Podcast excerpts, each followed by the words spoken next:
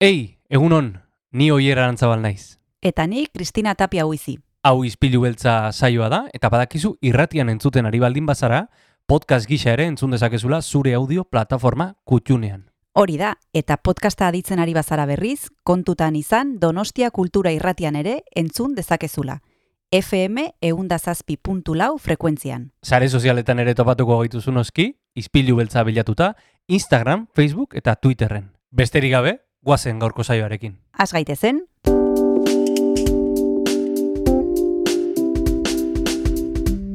Ispilu beltza. Donostiako kulturaren berri, Oyer Arantzabal eta Kristina Tapia buizirekin. Ostirala iritsi da, ostirala iritsi da, hori kantatzen dute aurrek eh, eskoletan eh, ostirala iritzen denean, hor txailak iruditu eta hau izpilu beltzara Donostia kultura irratia.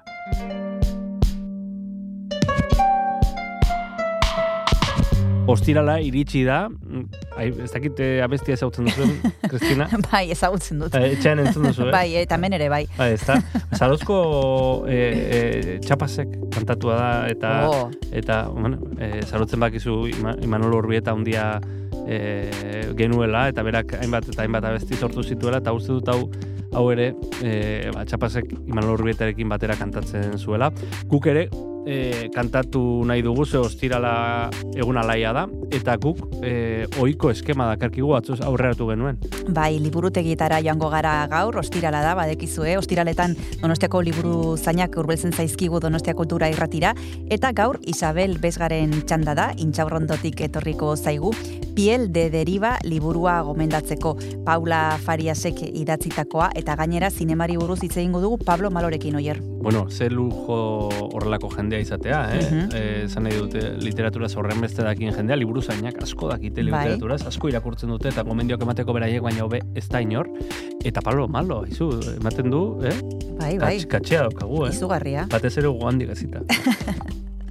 Venga, bueno, eh, ba, guazen gorko zaioarekin. eguazen.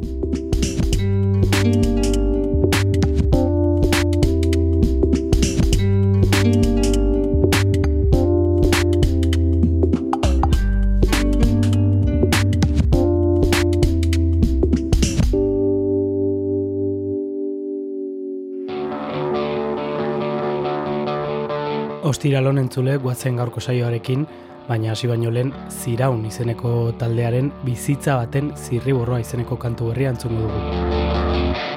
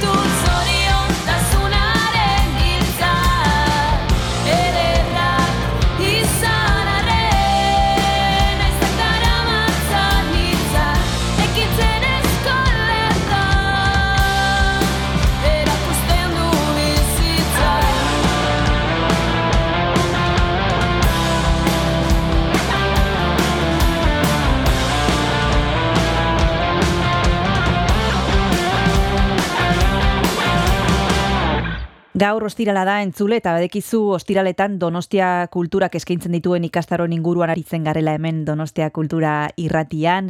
Gaur Pablo Malo zine zuzendariaren txanda da, berak larrotxenen eskaintzen daitu Dirección de Cine izena duen ikastaroa. Egunon Pablo, ¿qué tal estás? Egunon, muy buenas, bien, bien. Bueno, como hemos dicho al principio, Dirección de Cine es el curso que tú impartes en La Rochene. Por aquí los viernes están pasando pues eh, Michel Gastambide, eh, Oscar Tejedor, bueno, muchísimas personas que estáis ahí impartiendo cursos relacionados con el mundo del cine. La otra vez, eh, Michel Gastambide, me estoy acordando ahora, que nos dijo que estos cursos en otros lugares, en Madrid o en Barcelona, serían unos cursos eh, de lujo y que a él le hubiera gustado en su época tener algo así eh, tan asequible y tan mano. No sé si estás de acuerdo con él, Pablo. Hombre, pues, pues la verdad es que sí, yo creo que lo hemos hablado eh, los que solemos dar cursos ahí unas cuantas veces, que realmente estamos haciendo un poco lo que nos gustaría que nos hubiese pasado a nosotros cuando empezábamos en esto del cine, que realmente no, no tienes muchas guías. Bueno, ahora cada vez hay más, pero, pero al principio, cuando nosotros empezábamos allá por los años, pues fíjate, los años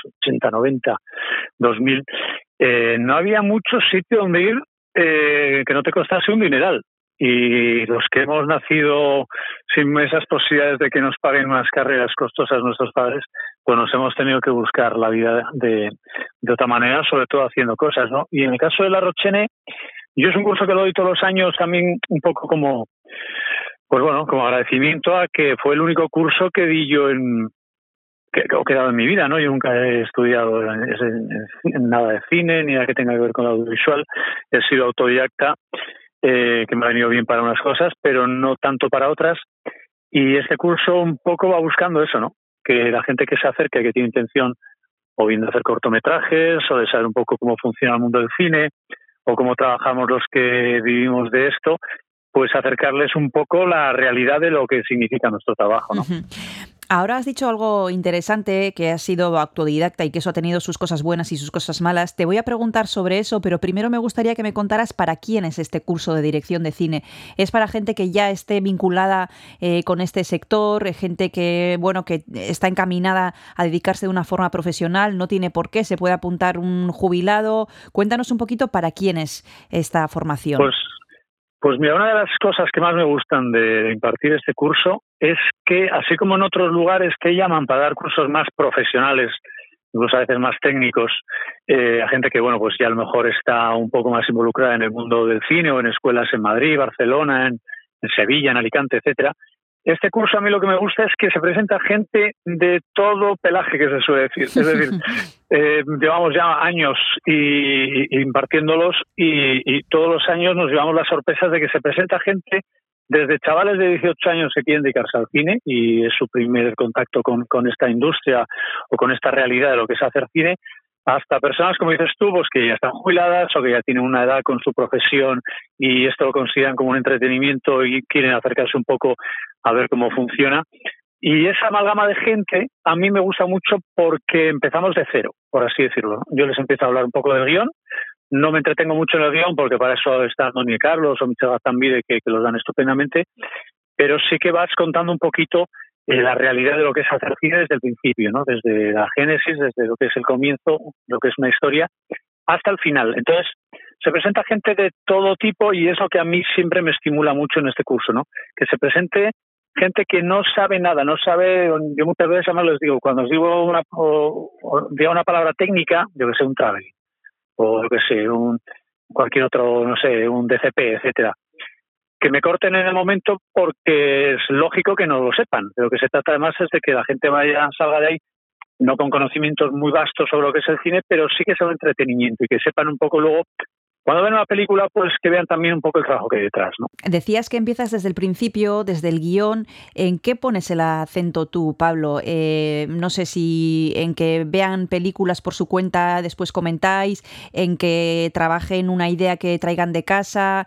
¿En qué consiste lo que, lo que tú les propones? Yo siempre suelo hablar de cómo trabajo yo, porque es lo que mejor conozco.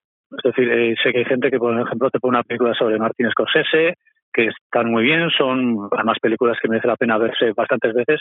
Yo siempre suelo decir, son películas para ver primero nosotros como personas, como para disfrutarlas y luego cómo se han hecho, ¿no? Pero en, nuestro, en mi caso en concreto, yo siempre hablo un poco desde mi experiencia, de lo que he vivido yo, de cómo trabajo, eh, cómo te relacionas con la industria y por qué haces las cosas de esa manera y no de otra, ¿no? Porque haces un plano corto en un momento dado y no haces un traveling, o por qué trabajas con un actor de esta manera y con otro actor trabajas de otra, o por qué decides esta iluminación con el director de fotografía por un motivo concreto, o por qué el look que le das a la película tiene que ver con, con una idea determinada y no con otra. Entonces, lo que les hablo, lo que les cuento a, a través de ejemplos constantes, porque para mí una de las cosas que siempre me obsesiona, tanto cuando doy cursos como cuando trabajo, es no aburrir. Para mí, por encima de todo, está el entretenimiento. Una cosa luego que te gusten más las películas o menos, pero para mí lo que no tiene mucho pase es que te aburras. Entonces, en, en estos cursos son dos semanas muy intensas, pero sobre todo yo me desgasto mucho porque constantemente estamos eh, contando cosas. No es un curso teórico en ese sentido de tomar apuntes, cada uno que tome el apunte que quiera, por supuesto, pero es un curso mucho más eh, dinámico, más visual y más de ejemplos y de trabajar también ellos y, y ponerles a veces en, en el lado del director y cuando pasan ya unos días y empiezan a tener cierto conocimiento sobre el trabajo de un director, pues ya me gusta tam también que ellos empiecen a participar, ¿no? Que decían cómo lo harían ellos, cómo trabajarían ese plano, luego yo les digo cómo lo hice yo, etcétera. Entonces, es un poco que no sea un profesor alumno, que ya más siempre digo que no soy profesor de nada. Yo lo único que cuento es mi, mi experiencia y, y cómo he trabajado yo, cómo trabajan otros compañeros por, por charlas que tenemos, comentarios o que nos conocemos. Pero sobre todo eso, que, que sea dinámico, que la gente venga a la tarde que viene de trabajar, de estudiar, o que viene de tener un día malo, yo qué sé, y, y, por lo menos se pase tres horas entretenido y no se pase tres horas como cuando ibas al colegio y no te gustaba la asignatura de matemáticas, ¿no? Y dices, madre mía, ahora tengo una hora de matemáticas y no me apetece nada. Bueno, pues esto lo que se intenta es que, que te apetezca todos los días venir.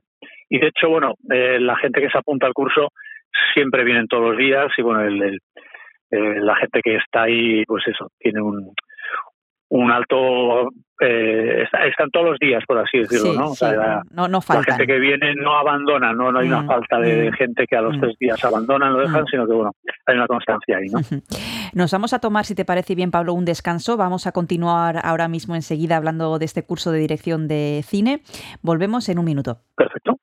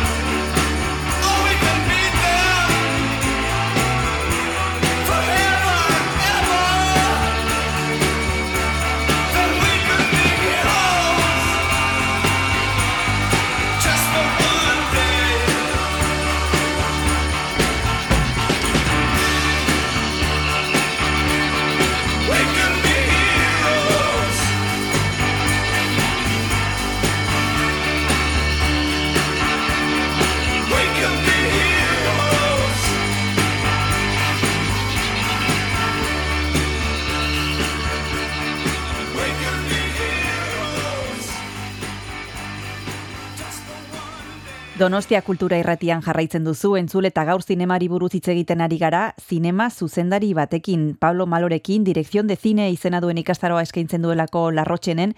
Estábamos hablando de que uno de tus objetivos en el curso es que la gente que asiste no se aburre. Y tú, Pablo, ¿tú cómo, cómo lo vives? Porque mm, viendo cómo es el grupo de personas que se suele apuntar habitualmente, que decías que es bastante diverso, mm, tiene la, tengo la sensación de que tú tampoco te aburres. Yo no sé si sacas también alguna, algún aprendizaje de ellos, a pesar de que ellos no son profesionales. Eh, ¿Sacas tú algo? Hombre, yo me lo paso muy bien. Para mí es, eh, de, entrada es poder...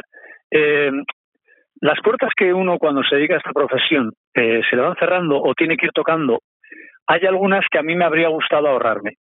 Y esas puertas que me habría gustado ahorrarme suele gustar contarlas también, ¿no? Es decir, este es un mundo en el que no es como una carrera de medicina o arquitectura que tienes que seguir unos pasos y si llegas al final eres arquitecto o eres médico, otra cosa luego que seas bueno o malo, pero esto es como sacarse el carnet de conducir, ¿no? Te dan el carnet de conducir, pero no significa que sepas conducir, significa que tienes el carnet y puedes andar con un coche por ahí. Otra cosa luego ya los kilómetros que necesites hacer, ¿no? Para ser conductor o por lo menos saber conducir. Y en nuestra profesión es un poco lo mismo. Y a mí lo que me habría gustado cuando empecé es que me hubiesen dicho, mira, por aquí no tires, porque vas a perder el tiempo. O esta manera de entrar a veces no es la más adecuada. O e- ese tipo de recorridos que cuando uno empieza no sabe muy bien por dónde tirar. ¿no? Entonces, a mí sí lo que me gusta es que en las clases suele haber gente que se quiere dedicar a esto, sobre todo suele haber gente muy joven, a lo mejor chavales, pues lo que digo, chavalas de 18, 20, 25, 28 años, que sí que quieren a lo mejor dedicarse a, la dirección de cine o por lo menos ver una salida profesional ahí, ¿no? Y de hecho yo hace unos años que hice un, cortometraje por, por encargo sobre la homofobia, la de tarde para el recreo, eh, me gustó llevarme, una de las condiciones que puse a los productores era que quería que, que estuviesen gente de la Rochene en puestos, no de responsabilidad, pero sí como si aquello fuese un largometraje y, y viesen exactamente cómo se trabaja, ¿no? Entonces, ese tipo de práctica que en ese caso mm, les vino muy bien a ellos y a mí también mm, agradecí mucho y me lo pasé muy bien que estuviesen ellos allí y, y- y vi cómo realmente resolvían los problemas que se le iban se les iban planteando. Yo me lo paso muy bien sobre todo porque veo muchas ganas de aprender y veo muchas ganas de preguntar y mucha curiosidad. Y creo que esta profesión cuando van pasando los años la curiosidad la vas perdiendo porque te profesionalizas y el hecho de encontrarte gente virgen en ese sentido a mí me, me engancha mucho porque me veo a mí hace 30 años y digo, esa chispa que teníamos nosotros cuando empezábamos la veo en, en gente joven y, gente que a lo mejor viene y que sabes que a lo mejor tiene ya una edad en la que no se va a dedicar a ello, pero que siempre hacer cortometrajes, gente a lo mejor tiene 50 años y de repente pues empieza a, a juntarse con dos o tres o cuatro y sobre todo una cosa que siempre sale en la Rochene, todos los años lo comentamos con los responsables, con Unai, con John, con, con Gazambide, con, con etcétera, es que se van formando grupos.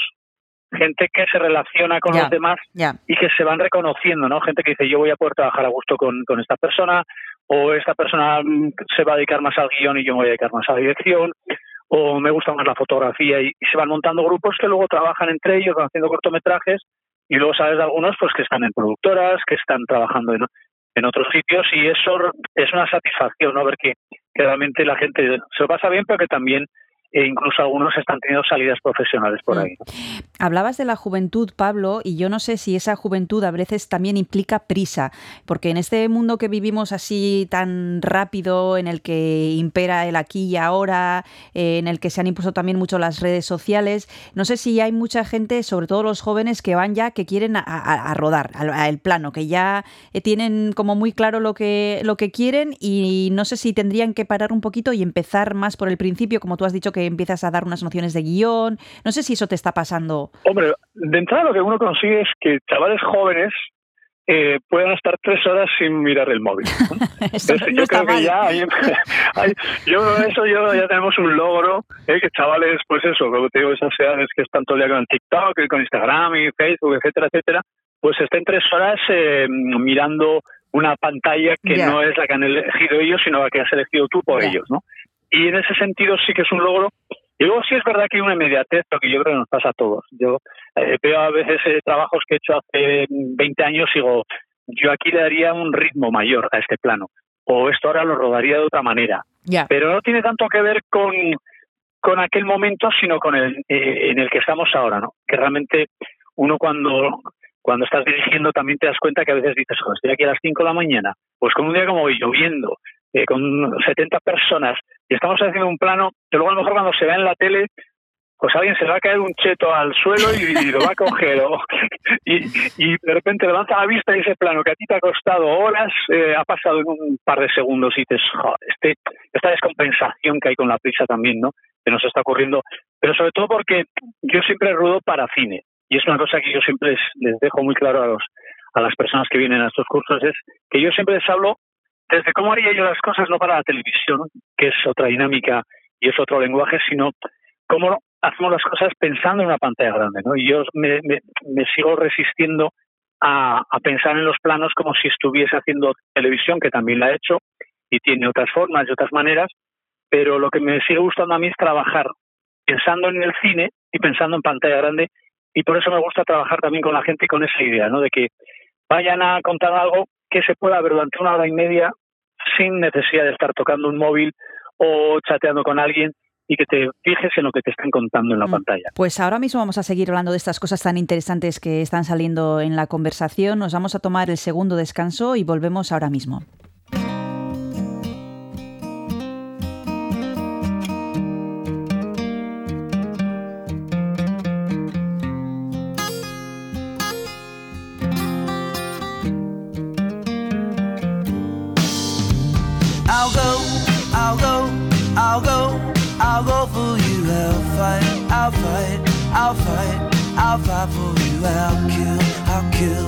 I'll kill, I'll kill for you. I will, I will, I will. I'll go, I'll go, I'll go, I'll go for you. I'll fight, I'll fight, I'll fight, I'll fight for you. I'll die, I'll die, I'll die, I'll die for you. I will, I will, I will. And if I die, I'll die, I'll die alone on some forgotten hill, All my blood will spring and spill. I'll the air and then be still. You wake with a start from a dream and know that I'm gone. You feel it in your heart, but not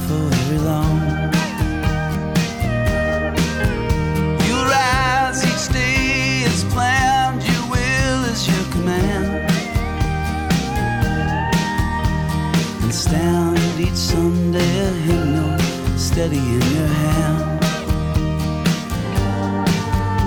You'll sing to yourself the rising, falling melody that you could never read without the choir's lead. Still alone and lost indeed, and your soul will not be free. I will go, I will go into walls, waters, I will wait. And I will know without remorse or regret the fairness of our trade. For you to live, I took your place, a deal was made, and I was paid. In gold, as I was told, the place where my body could be laid. Steal your life and die old in better homes, surrounded by your peers, without suffering or fear.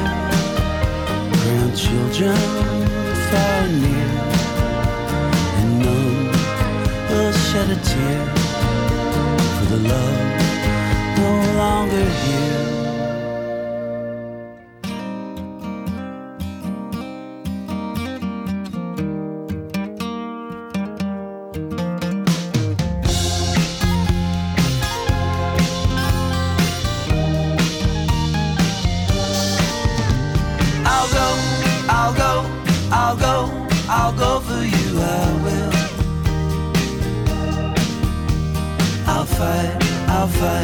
I'll fight, I'll fight for you, I will, I will, I will.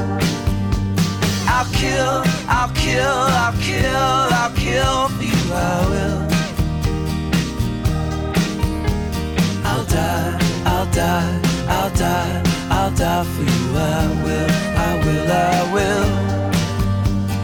And if I die, I'll die, I'll die alone like Jesus on the cross. Be tossed, my life will not be lost.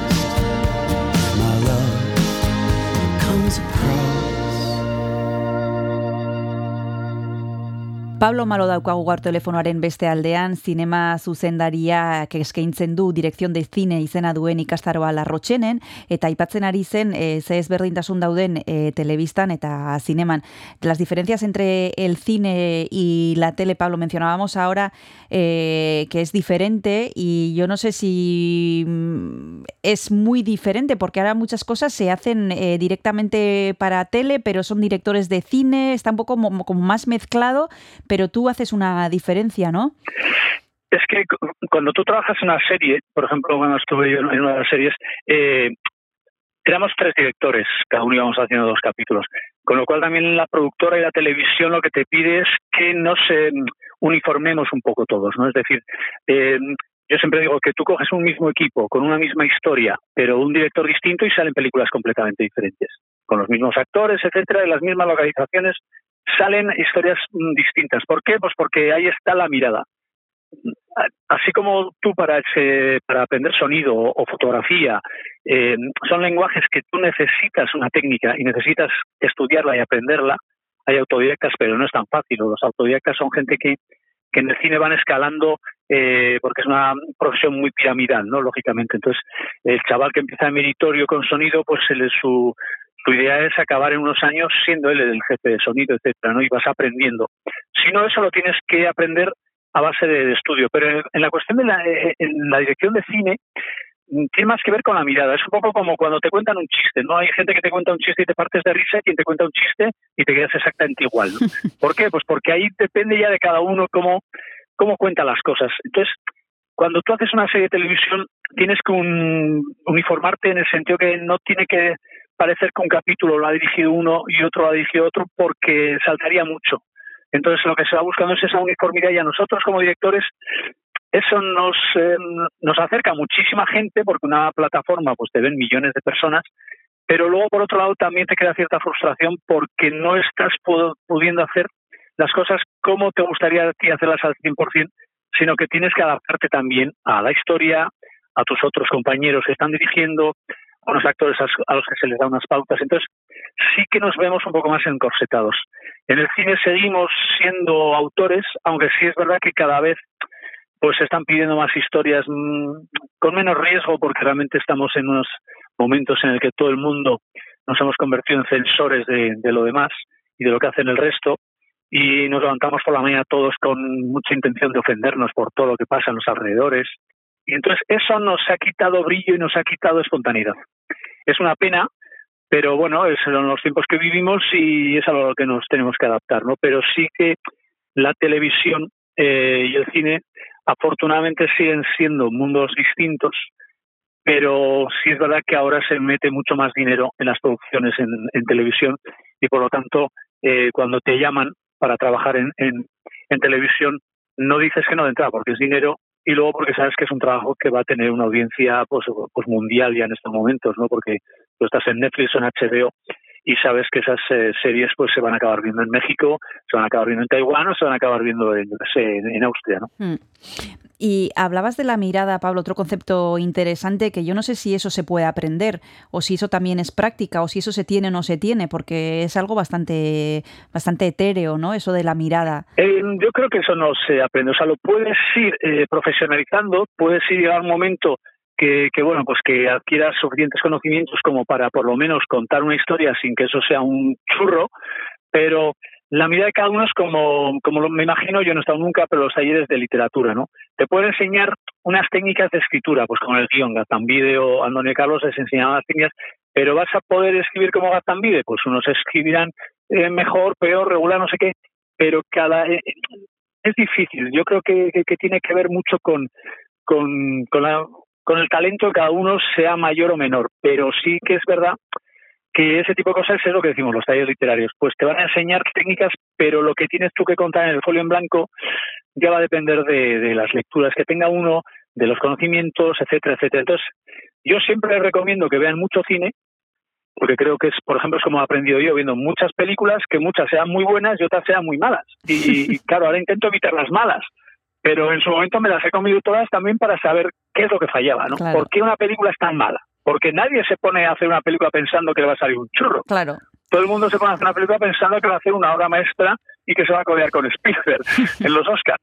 Pero eh, al final salen las cosas como salen y uno también tiene que analizar por qué a este o a esta le ha salido mal esto, ¿no? Porque eh, esta historia que a lo mejor sobre guion se ve que había un guion que estaba muy bien, ¿por qué se ha torcido? ¿no? A mí ese tipo de cosas siempre me inquietan mucho, ¿no? Saber cuándo se tuerce una historia, en qué momento eh, eso se ha ido al carajo. Porque hay veces que ves un guion y dices, esto no había quien lo salvase. Pero si hay otras veces que dices, es que la materia prima era muy buena, estaba muy bien, esta historia funciona muy bien. Y yo cuando estoy en las clases siempre les comento eso, ¿no? Porque nosotros luego eh, se graba a final de año del curso eh, un cortometraje en base a los guiones que, nos traen de los cursos de, de Artambide y de Manuel Carlos, ¿no? Y ves momentos que dices, bueno, este guion estaba muy bien y sin embargo no ha salido tan bien. ¿Por qué ha ocurrido? O lo contrario, ¿no? Era un guion que, bueno, que tenía sus dificultades, pero sin embargo el, el curso de dirección han conseguido hacer un, un corto muy, muy majo, ¿no? Esa magia del cine es la que también nos atrapa a los que nos dedicamos a esto, ¿no? Que no sabemos muy bien qué resultado vamos a tener, ¿no? Este arte de la renuncia que es el cine, ¿no? Que siempre tienes que estar renunciando a cosas porque el cine cuesta mucho y lógicamente no puedes tenerlo todo, ¿no? Pero esa es una parte de la magia y bueno, pues eh, en eso estamos también, ¿no? Para terminar, Pablo, me gustaría que me dijeras eh, algunas películas que son imprescindibles, que tenemos que ver eh, todos, algunas de las que recomiendas tú, algunas de las que te han marcado. ¿Qué tendríamos que, que haber visto sí o sí? Uah, soy malísimo, yo soy malísimo para dar, para dar títulos porque te podría decir, yo qué sé, pues a mí me encanta uno de los nuestros, uno de los nuestros de Martín Scorsese, pero, pero no me gusta todo lo de Scorsese, igual que Almodóvar tiene películas maravillosas como Atame, eh, que hoy día no podría rodarla, ¿no? Por, por supuestísimo, pero luego tiene otras cosas que no me interesan nada, ¿no? O yo qué sé, La lista Slinder y Salvador Solar Ryan o Tiburón de Spielberg son maravillosas y bueno, pues pues por, por irnos a cosas más concretas, por ejemplo, eh, un, un director que además es amigo, que es eh, Luis Orogoyen, que tiene una película como Asbestas o El Reino, que Dios nos perdone, es un director interesantísimo, o Cinco Lobitos eh, es una película estupenda y extraordinaria también que creo que no hay que, que no hay que perderse, pero todos los directores tienen afortunadamente varias películas o unas cuantas películas que merecen la pena. Y yo ya te digo, soy malísimo, así como hay gente que tiene un listado enorme que te suelta películas por todos los lados, yo me cuesta mucho, no a lo mejor Bueno, ya nos has dicho "Ah, algunas, ya nos has dicho algunas, ya hemos apuntado algunas de los de las que nos has pero dicho, me da ¿eh? mucha pena pero me da mucha pena porque se- me, me dejo montones de películas que son estupendas y maravillosas y, y luego cuelgo y digo, joder, si tenía que haber dicho esta y esta Bueno, otra, bueno. que la gente estaría quizás hubiese visto. Pero hay que ver de todo, hay que ver de todo y muy variado, porque Bueno. yo creo que es la única forma de crearse un criterio propio también. Bueno, pues ya hemos apuntado algunas de las eh, referencias que nos has dado. El que quiera profundizar un poquito más, ya sabe que en La Rochene tiene un montón de cursos eh, vinculados con el mundo del cine. En concreto, el que ofrece Pablo Malo se titula Dirección de Cine, pero hay de guion, hay de montaje, hay de un montón de cosas más. Muchas gracias, Pablo Malo, por haberte acercado a Donostia Cultura y Ratía. Un abrazo y hasta la Nada, próxima. hombre, Nada, hasta la próxima. Muchas gracias a vosotros, Agur. Agur.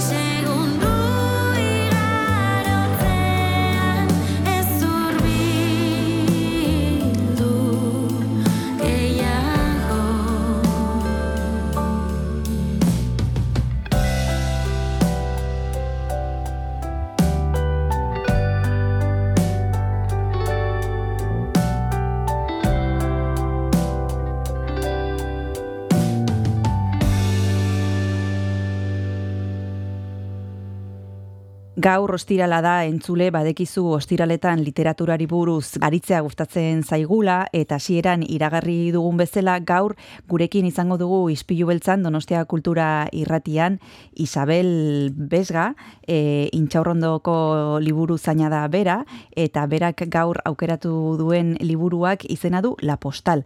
Han e, berest, ezakit ongo ongi e, esango dugun bere abizena e, idazle frantsesak e, idatzitakoa. Egunon Isabel, ¿qué tal estás? Hola, buenos días. Muy bien, perfectamente. y esperándote. Bueno, yo, nosotros también esperándote porque este es uno de los momentos que más disfrutamos porque es un placer y un lujo hablar con vosotros eh, eh, porque nos proponéis primero ideas eh, maravillosas y segundo porque nos describís tanto, tan bien en los libros que siempre, yo creo que siempre nos convencéis de que, de que tiene que ser el próximo en nuestra mesilla. A ver si pasa Ah. lo mismo con este también, con, este, con este libro. Vamos a empezar po- por, el principio, si te parece. Cuéntanos, eh, sin desvelar demasiadas cosas tampoco, qué nos cuenta la autora en este libro titulado La Postal. Bueno, esta es una novela, eh, una novela que merece la pena ser leída. Es un homenaje familiar, es un lleno de sensibilidad, está dedicado eso a la memoria de, de los antepasados. Una novela de investigación porque es una novela que se lee como un thriller, porque realmente hay un, hay un tema que se mm, desvela desde el primer momento como una interrogación en la vida de esta familia y que hasta el final no, no se sabe no se sabe la respuesta. Eh, por otro lado, es una novela ambientada en la Segunda Guerra Mundial, como hay muchas, muchísimas, es un tema muy tratado, eh, mm, pero ya te digo, escrito como con un con una sensibilidad y con un eh, con unas ganas de saber, de, de imaginar, ¿no? Lo que lo que pudo ser la, vida de su familia. Hombre, no en, no en vano la, la autora Amber Est eh, realmente es una novela de autoficción porque eh, los personajes son reales, ella y su madre Leila investigan el pasado de su familia a raíz de, de que reciben una postal eh, en 2003, una postal con la ópera Garnier por un lado, que fue un símbolo nazi durante la ocupación donde la- durante la ocupación nazi en Francia, porque era el lugar donde se reunían los nazis a escuchar música y tal, y ha quedado como en la simbología, en el imaginario francés, ha quedado como, como un lugar unido al nazismo, a la ocupación. Y por otro lado, eh, el único texto que venía en la, en la postal eran los nombres de los bisabuelos de Amba Berest y de dos de sus hijos que murieron los cuatro en Auschwitz.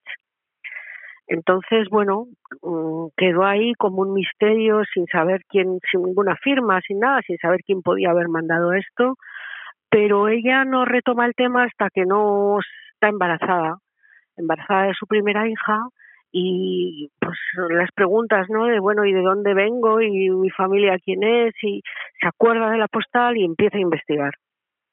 Y realmente está, está muy bien, la novela está muy bien.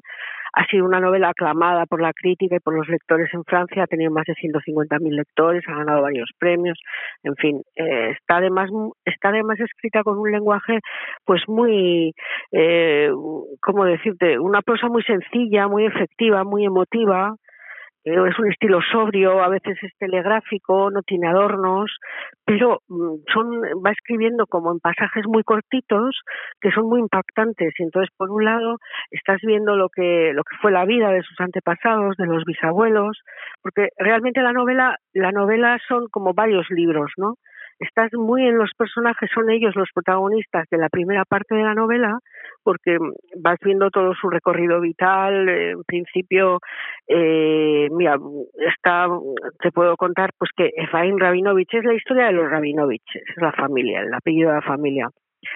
Epaín, que es el abuelo, el bisabuelo, es ateo, socialista, revolucionario, y una vez que la que sucede la revolución rusa en, en, Rusia, eh, tiene que salir de allí porque no no no podía no podía estar allí ni con unos ni con otros. Su mujer, Enma la bisabuela, es hija de una familia de judíos polacos. Eh, son unos industriales y también bueno ella siempre al lado de su marido, ¿no? Entonces se ve siempre como se ve siempre obligada a salir como sea, ¿no? eh, Noemí, que es la hija, medi- la hija mediana de los Rabinovich, está sueña con ser escritora. Jax, el pequeño, pues este es un adolescente cuando le detienen, cuando le llevan a, cuando es deportado a Auschwitz, vamos. Eh, ellos, ellos al final, bueno, es todo un periplo de Rusia, van a Letonia, van a Palestina, finalmente van a, París, a Francia, en París primero es donde se instalan y donde ellos ya, claro, después de haber tenido una vida tan azarosa, todo esto antes de, estamos hablando antes de la Segunda Guerra Mundial, ¿eh? Hasta los años 30. Después de haber tenido una vida tan azarosa, pues ellos lo que quieren es estabilidad y quieren instalarse y quieren normalizar su vida y quieren convertirse en franceses, vamos, es muy está muy muy muy, muy bonito contado el cómo el, el padre quiere que conseguir la nacionalidad francesa y cómo eh, va viendo que todo se va retrasando, retrasando, pero él sigue convencido de que en algún momento se la van a dar y que uf, es, eh, es, es duro, es duro de ver, la verdad, pero está, ya te digo que muy, muy bien escrito. Isabel, nos vamos a tomar un descanso para seguir hablando de este libro tan interesante y desarrollar alguna de las ideas que has citado, que me parecen que tenemos que detenernos un poquito en algunas de ellas porque son eh, muy interesantes. Nos vamos a tomar un descanso y para eso, eh, sabes que te voy a pedir una canción. Eh, ¿Has pensado alguna para compartir con los oyentes? Mira, he pensado, he pensado en que, desde luego, la vida de esta familia merece que se escuche música klezmer. Que la música klezmer es un género musical que, eh, unido a la tradición judía ¿no? de Europa del Este. Entonces, es una música que se desarrolló, es una música festiva, es música instrumental que se utilizaba sobre todo en las celebraciones, en las bodas, eh, en el siglo XIX muchísimo, pero anteriormente también. Eh, en cuanto en cuanto pongas cualquier canción, la gente enseguida, mm, cualquiera la va a reconocer, porque es Perfecto. muy muy conocida. Perfecto. Es música instrumental, ya te digo, es Perfecto. clarinete, violín. Pues vamos a escuchar alguna canción del estilo musical que nos propone Isabel Vesga y ahora mismo continuamos hablando con ella.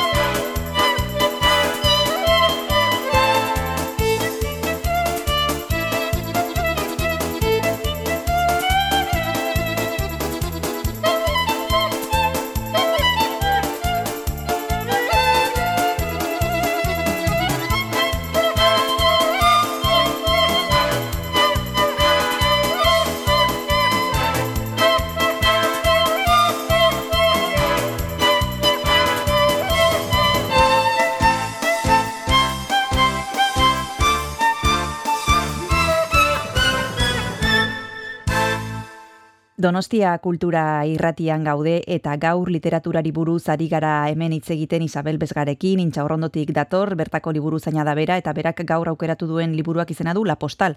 Han bereste e, idazleak idatzitakoa, frantziatik, izugarrizko arrakasta izan du liburu honek. E, Isabel, hemos hablado de la sinopsis de, de esta historia que, que tanto te ha gustado y has mencionado un concepto muy interesante y alguna vez aquí hemos hablado de él y es que eh, se trata de un libro eh, bueno, que parte de una historia real de la, de la autora. En el libro nos vamos a ir dando cuenta de qué es lo que a la autora le ha pasado de verdad y qué no, o mm, va- ya está todo mezclado y forma parte de, la historia. ¿Cómo es esto de la autoficción? No, yo creo que creo que sí, o sea que vamos a distinguir perfectamente todo lo que son los hechos, los hechos de la vida de la familia y luego todo el trabajo de investigación para con la ayuda de un, de un detective, ¿eh? con los trabajos que hizo su madre de investigación también de la familia a partir de cartas y de, de material familiar y luego el, el trabajo de una- de- con un detective y sí, se ve claramente. Yo te digo autoficción porque hay como toda una parte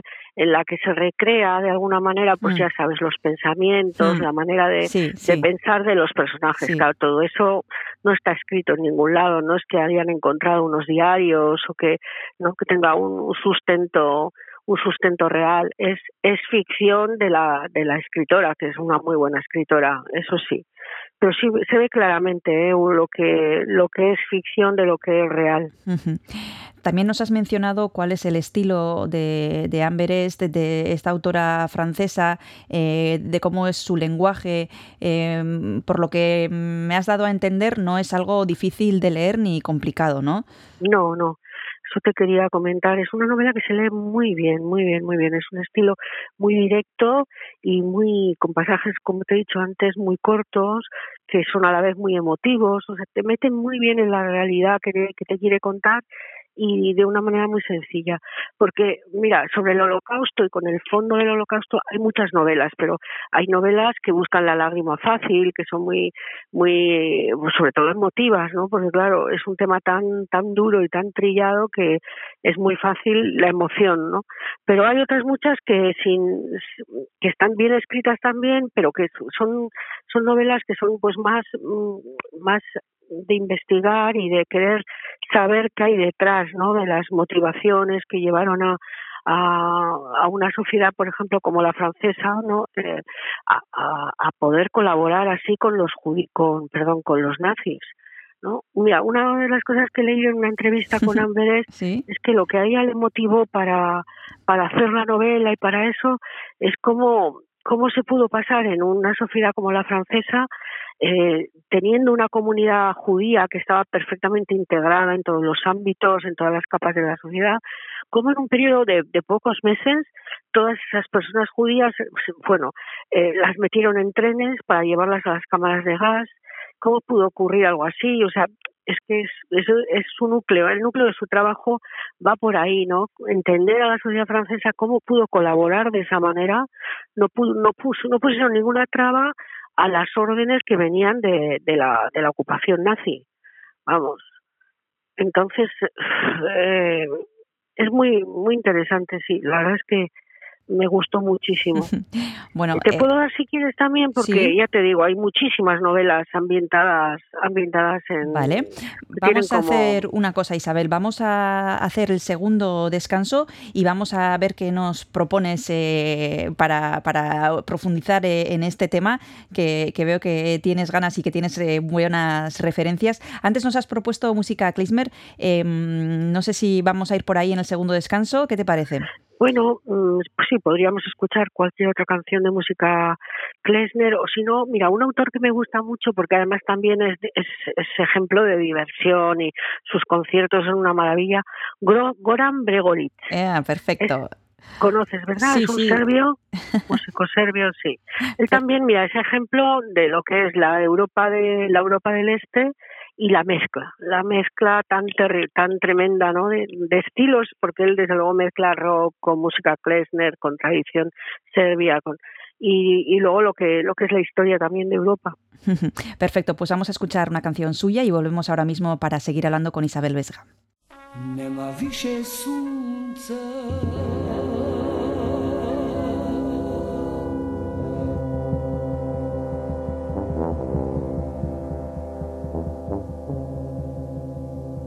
nemá vyše meseca.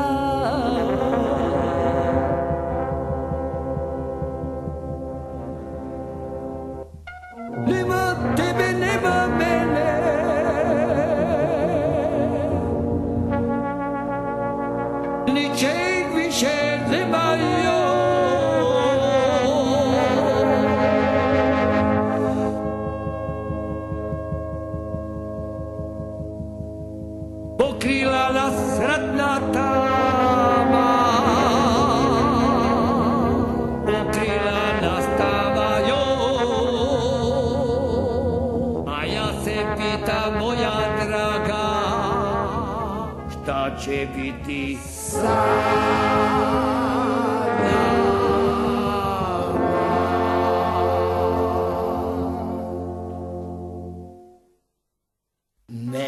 Mesečina, mesečina, joj, joj, joj, joj, sukcesija, sukcesija, joj, joj, joj, joj, sa nebesa zrak probija, niko ne zna, niko ne zna, niko ne zna.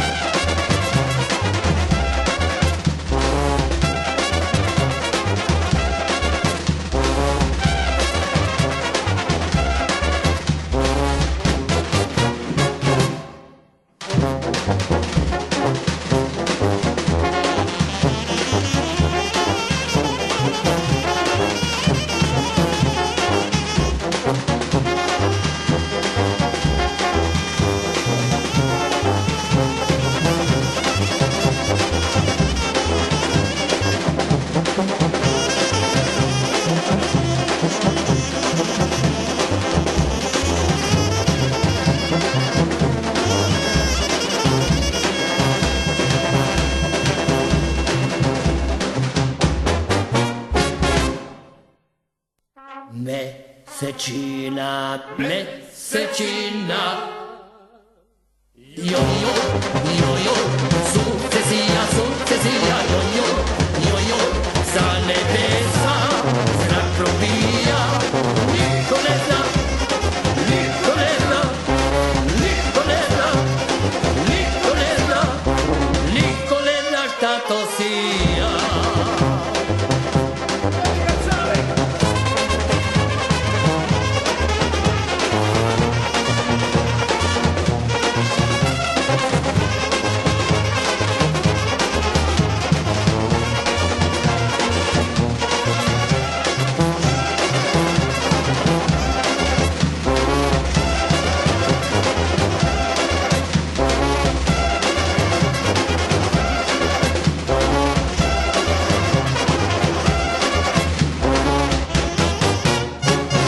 Izpilu beltzan zaude, entzule eta gaur litura, literatura dugu izpide La Postal, da Isabel Besga liburuzainak aukeratu duen liburua, han bereste idazle eta aktore e, frantsesak idatzitakoa, izugarrizko arrakasta izan du, eta Isabel, nos comentabas ahora mismo que no es un libro complejo para leer, eh, es, una, es un lenguaje y un estilo que se nos van a hacer accesibles. Eh, bueno, esta autora, vamos a decir que tiene 43 años, si no me equivoco, es el 70 49, eh, 44 ya va a hacer este año. Eh, no sé si le auguras una, una, carrera, bueno, porque yo iba a decir que es joven, para algunos igual no es tan joven, pero bueno, eh, ¿qué, qué, qué, puede pasar con, con, esta mujer? ¿Crees que nos va a dar eh, bueno, más libros interesantes como este, La Postal? Sin duda, sin duda, sin duda.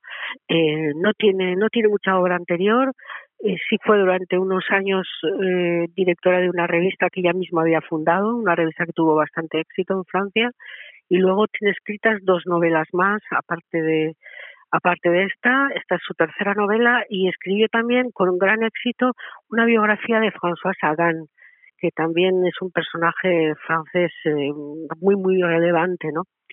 Y no, ha sido tan grande el éxito que ha tenido con esta novela que la han traducido además a muchos idiomas y tal, que seguro que, que seguirá que seguirá dándonos unas obras bonitas y muy con, seguro, interés. vamos, seguro que sí, seguro. Isabel. Eh, lo que nos has eh, mencionado que trata en este libro, eh, bueno, ya ha sido trabajado eh, por otros autores y autoras en otras novelas. Eh, si no me equivoco, ¿podrías recomendarnos algunas otras eh, obras que tratan también este tema y que te hayan gustado? Sí, mira, la autora, la autora más conocida que también eh, escribía en francés y aunque ella de origen era ruso, pero judía rusa, pero bueno, que se instaló en Francia y que tuvo además mucho éxito como escritora antes de que le llevaran a campo de concentración y muriera allí, pues es Irene Nemirovsky. Irene Nemirovsky es una autora muy conocida que en, en España la editorial Salamandra ha publicado prácticamente toda su obra. La más conocida es La Suite francesa, que también se ha llevado al cine y es también un ejemplo de lo que es, sensibilidad, eh, búsqueda del detalle, búsqueda de las raíces, de los comportamientos de una familia. Muy interesante, muy, muy conocida. El francés lee muy bien, ¿eh? Irene Nemirovsky es buenísima. Y luego, últimamente, sí que se han editado desde diferentes, desde diferentes puntos de vista, porque, por ejemplo, hay dos, no, dos, quiero hacer referencia a dos obras que están escritas por historiadores, pero Ajá. que, que están ahondando en la historia de su familia. Una, por ejemplo, es Páginas de vuelta a casa, una historia familiar de libros, guerra, huida y exilio, de Alexander Wolf. Este investiga, este es un, historiador americano, un periodista más bien, americano que investiga la historia de su abuelo, que era editor en Alemania, pero que tuvo que un editor de éxito, pero que pues con la llegada de los nazis pues se fue a Estados Unidos, ¿no? Entonces es su vuelta a la Alemania intentar entender qué pasó, qué pasó con su abuelo, cómo está la sociedad alemana. Muy interesante. Luego, por ejemplo, otra también que también escrita por un por un historiador que se adentra en la historia de su familia, para ver y claro, te están hablando de su familia, pero están hablando de la historia del Sí. siglo XX de Europa, Sí, claro, porque claro. lo que se llama se llama así, lo que no me contaste, de Mark Mazower, también muy recomendable. ujú. Vamos Y luego apuntando. ya un par de novelas, y luego Sí. ya mira un par de novelas también ya novelas, menos, pues estos son más estudios, aunque son también muy ligeros que se ven muy bien, ¿eh? Pero un par de novelas, Calle Este Oeste, de Philip Sand, editada también hace dos años o así. Y luego otra, por ejemplo, Los Amnésicos, de Geraldine Schwartz. Muy interesante, porque también, mira, una, bueno, en Alemania, claro, llevan muchos años investigando sobre el tema y con y intentando reparar las heridas y viendo cómo, cómo hacer, porque esta, por ejemplo, esta novela que te digo, Los amnésicos, pues hace referencia a que gran parte de la sociedad alemana aceptó el nazismo, aceptó lo que se estaba haciendo con el pueblo judío, que piensa que fueron más de 6 millones de judíos los que los que fueron asesinados por bueno, asesinados o que murieron a consecuencia de, del, del régimen nazi claro, la sociedad alemana miraba para otro lado, no quería creer, no. Entonces, ya el título, ¿no? Los amnésicos ya te está, Sí, te está sí, indicando. ¿no? Sí, bueno, hemos apuntado esas referencias que nos ha dado Isabel Vesga, además de la postal, eh, autores y autoras que, bueno, trabajan de una forma especial este tema que a ella le han gustado y que seguro nos van a gustar a nosotros también. Para finalizar, Isabel, me gustaría que me dijeras eh, a quién le recomendarías este libro, si se acercara alguien en la biblioteca, qué tipo de lector, eh, bueno, disfrutaría muchísimo con, con este La postal de Amberest. Mira, yo creo que a un, a un lector con sensibilidad y con interés por la historia de, de la Europa del siglo XX pero que no que no piense que va a tener que hacer un gran esfuerzo por entender fechas, datos, para nada, ¿no? O sea, te va, es dejarse llevar por una escritura que, como decía, es muy ágil y dejarse llevar pues por la historia de una familia y de, por las motivaciones, por todo el, el lo intri vamos todo lo, lo, lo interior, ¿no? De, de, las motivaciones de esta gente y de la sociedad en la que le tocó vivir tan dura, tan dura. Bueno, vamos a decir también, en honor a la verdad, Isabel, que se trata de un libro que tiene 528 páginas, o sea que es fácil de leer, pero bueno, tiene un número de páginas importante. Está editado en Lumen y la traducción ha corrido a cargo de María Lidia Vázquez Jiménez. Así tenemos ya todos los datos. Este libro está, por supuesto, en la red de bibliotecas de Donostia, como siempre que hablamos de los libros que nos proponen los, los bibliotecarios. Muchísimas gracias, Isabel Vesga, por acercarte a Ispillu Elsa y por proponernos este La Postal, escrito por Amber Est, una propuesta de lo más interesante. También hemos apuntado el resto de referencias que nos has dado, por supuesto, porque es garantía, siempre acertáis y nosotros con vosotros también. Eh, un abrazo muy grande y hasta la próxima, Isabel Millasker. Muchísimas gracias, Cristina. Agur. Hasta la próxima, ha sido un placer.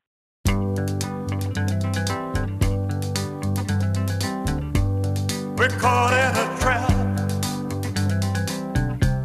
I can't walk out because I love you too much, baby.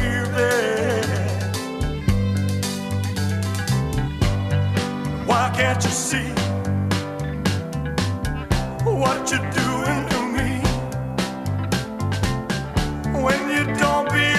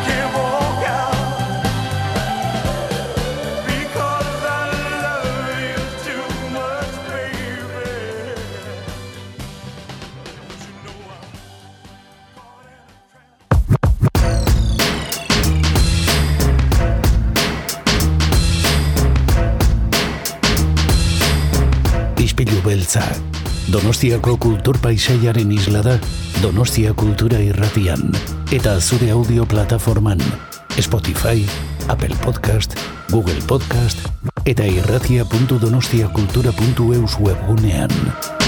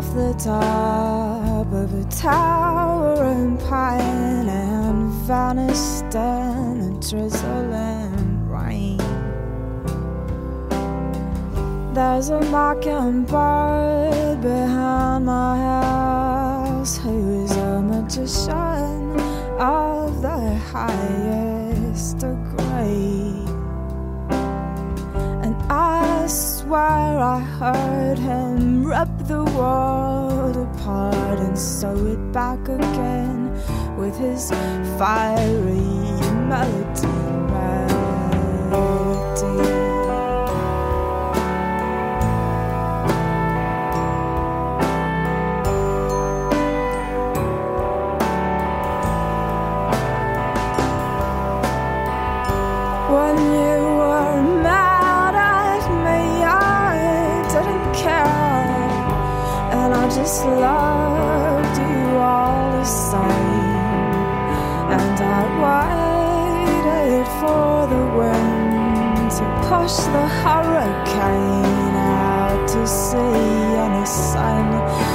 sign again. Oh, I don't mean to give you advice. It's just like, dear, you said, oh, Jesus Christ, just die.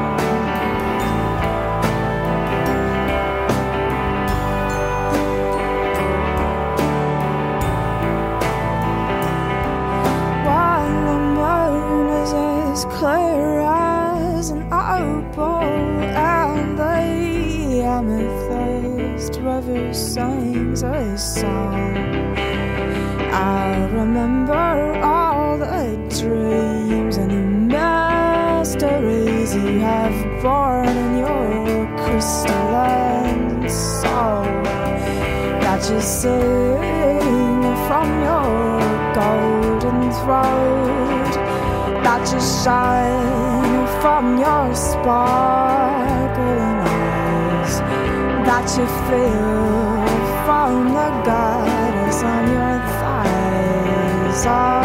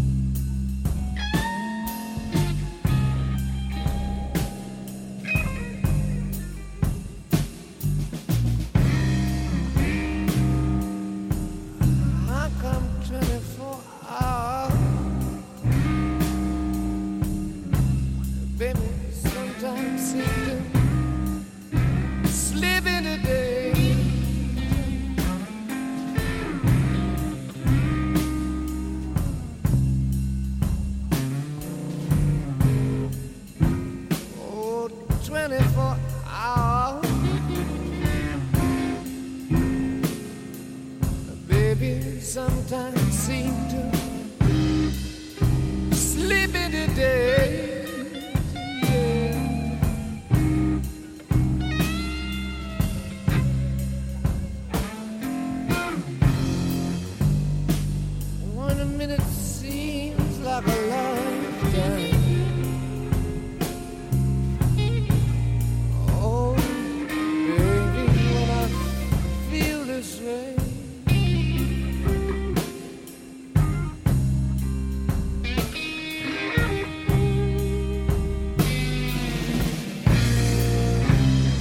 didn't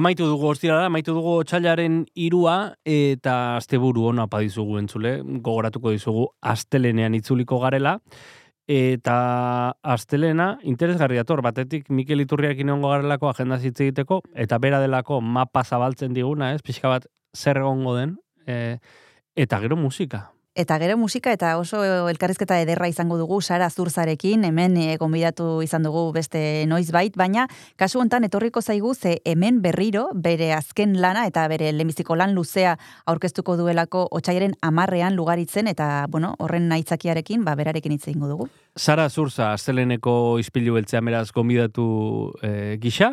Gogoratu, astelenetik ostialera entzun dezakezuela ispilu beltza Donostia Kultura Irratian, FM eundazazpi.lau frekuentzian, eta gure asmoa, asmo humila, dela Donostiako kulturaren berri ematea, goizero. Eta espero dugu lortzen ari garela hori egiten. E, besterik ez, astelenera arte. Asteburu on.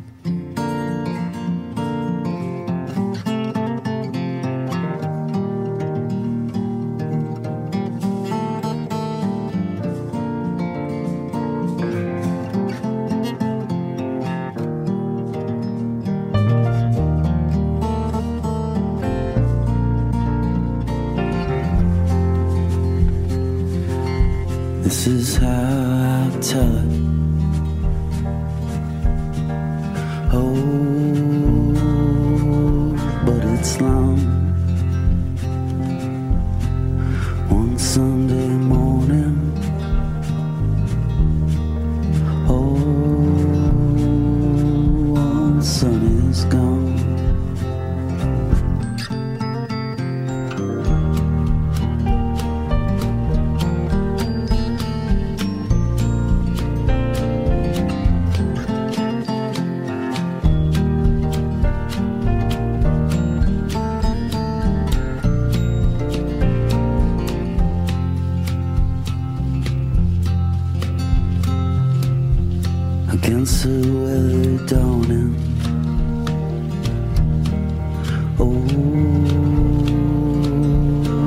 Sea, my father said what I had become.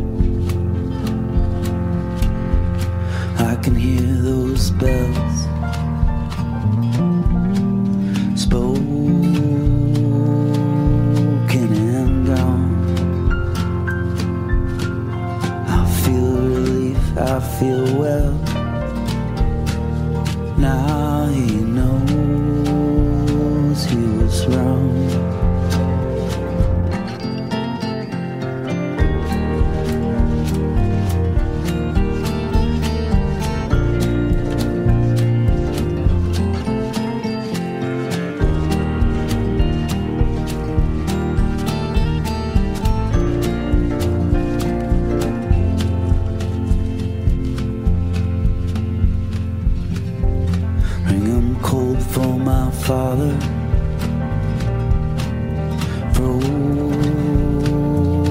frozen underground. Jesus, I wouldn't bother.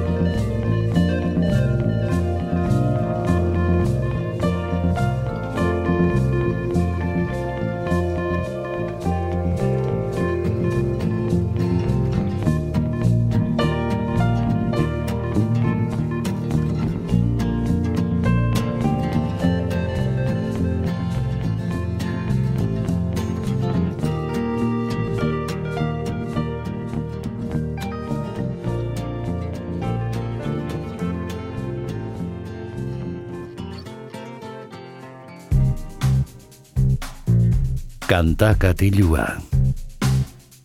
Jon Gartziaren eskutik. Ostiralon entzule iritsi gara ispilu beltzaren amaierara orain bai, asteburura pozik joango gara, eta horretarako badakizu hemen kantakatioan ba, musika jartzen dizuegula, asteburua gogoz hasteko. Gaurkoan e, rapa eta elektronika nasten dituen artista batekin e, joango gara asteburura, oi hartzuarra bera, bengo ez izenez e, da ezaguna, eta orain txatera du bere azkeneko diskoa, disko luzea, oso polita zigilloaren pean, bizirik izeneko lan ederra, eta laxe hasten da, galduta izeneko kantuarekin. Zerrek posten nauela Ta esan ze inber Ispilu frentian beldurra Galduta dolako burua Zin aurkitu bide bat Zerua gorri eta bihotza beltza Lurra hotza eta hankutxika biltza Zenbat alditan esan genula badena Hobeto jungo zera. Odeien onduan begira Zemoz goitikan bizitza. Ez zaudenetik aldatu nazela Hemendik aldatu dela dena. Odeien onduan begira Zemoz goitikan bizitza. Ez zaudenetik aldatu nazela Hemendik aldatu dela dena?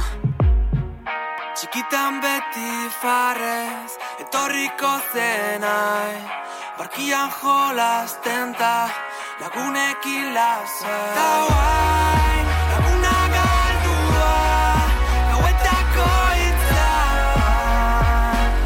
Taberna barruan sartuta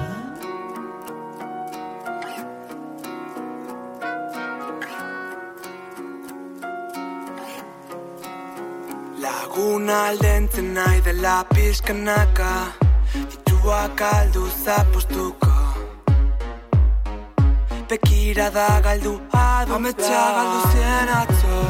Urpil batia mira gaua. Bihar zer etorriko den galdezka. Ezer jakin gabe. Odeien onduan begira. Zemoz goitikan bizitza. Ez zaudenetik aldatu nazela Hemendik aldatu dela dena. Odeien onduan begira. Zemoz goitikan bizitza. Ez zaudenetik aldatu nazela. Hemendik aldatu dela dena. Txikitan beti farrez Etorriko zenai Parkian jolasten da Lagunekin lasa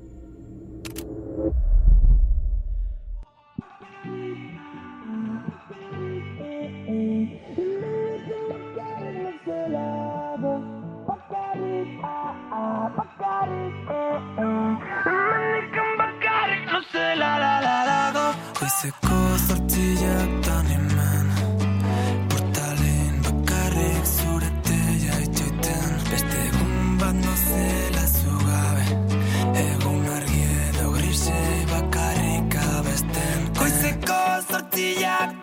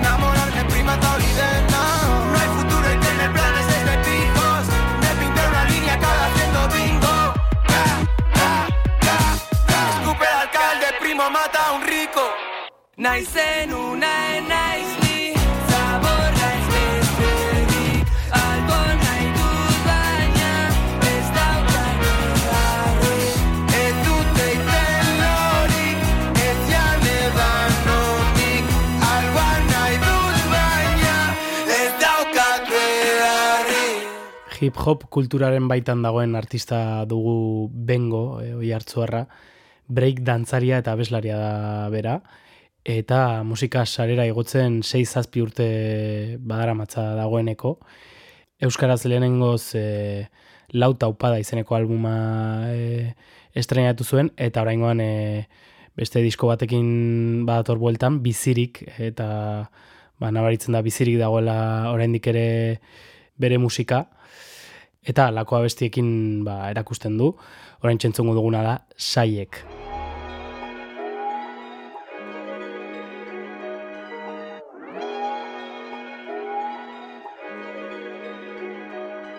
Yeah.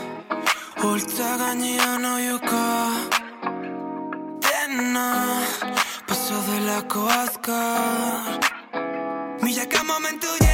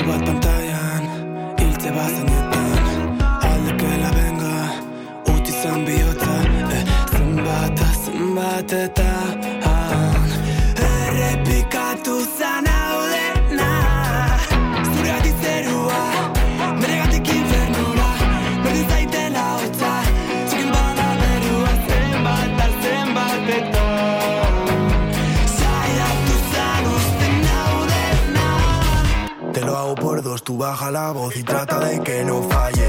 Con tanto temor, buscando el sabor de toda la vida al detalle. Te tengo un dolor, te tengo un amor que siempre viene de viaje. Te pedí perdón, solo haz el favor de no mirar los mensajes. Arkitu ginen baita kagaute este musika zainetan sartzen Milaka estortzi, milaka zorri guregatik itxetan Zaian alaiten deken ba, zentzuok iberdikela ja Berdin zaikulako koraka, biarko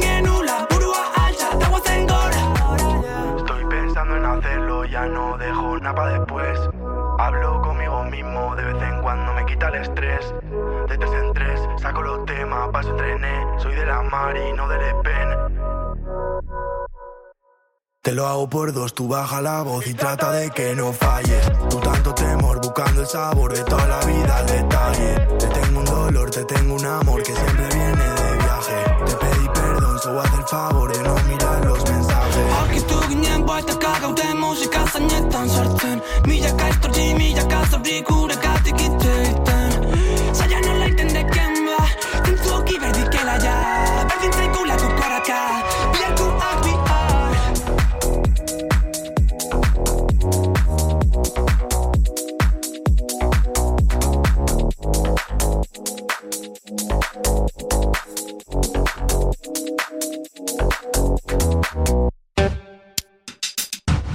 Donostia Kultura Irratia zurea ere bada. Zatoz eta parte hartu.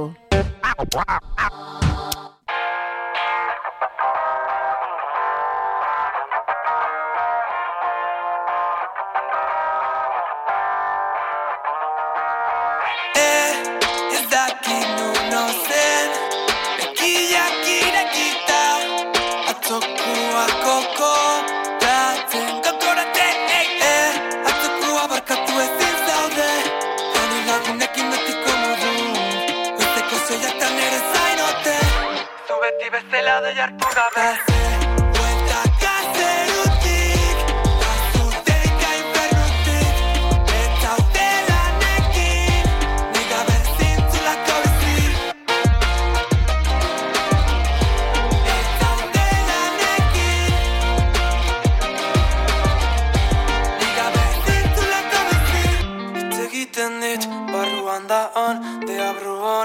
beti bultzaka Nekatuan hauzela lehin zagela Beste gau bat betiko erdina jasen behar. Zaiak ez ez, zaiak baiet Betiko igande beltzak Zaiak ez ez, zaiak baiet Betiko igande beltzak eh, Atzekua barkatu ezin zaude Tani lagunekin betiko modu Goizeko zeiak tan ere zainote Zu beti bezala doi e hartu gabe. Vuelta acá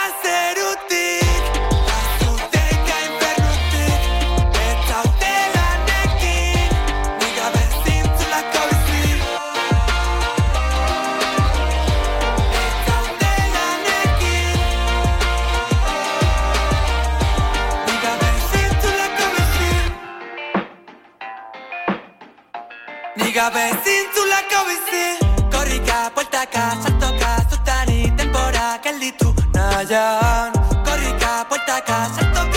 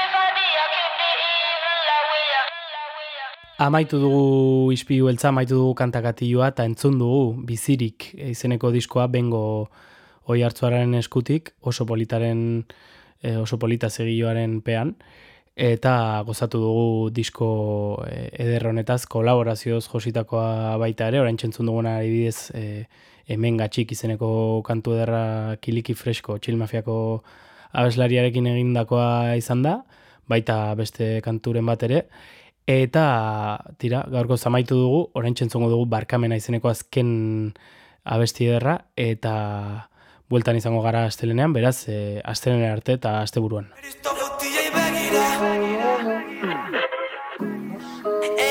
Barkatu nahian Eristo botiei begira Ezin irekin ere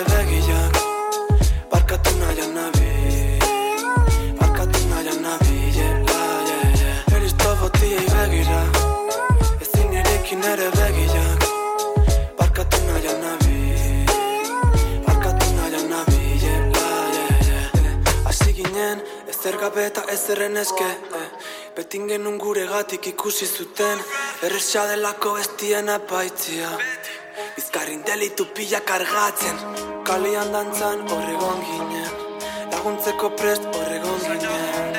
Ez ere ez genula bino gogo pila Esan nahi dekena gu jaudu dira Arrobitik mundura Mikel Oyarzabal Maite genuna defendatzen. Sentimentu zinez maialen lujanbio Barruan dugun ateratzen, eh. Zeruko argilen babesa dugula. Maian zuen falta sumatzen dugu. Beldurrez banao beti hor zaudela. Zer iztagotiei begira. Ezin irekin ere begiak Barkatu nahian nabi Barkatu nahian nabi. Zer iztagotiei begira. Ezin irekin ere begiak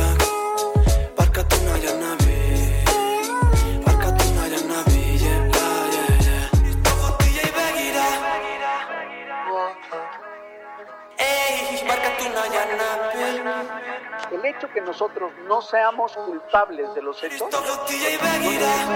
la responsabilidad de arreglar esto de aquí. Se llama corazón. Y el corazón sana, perdona.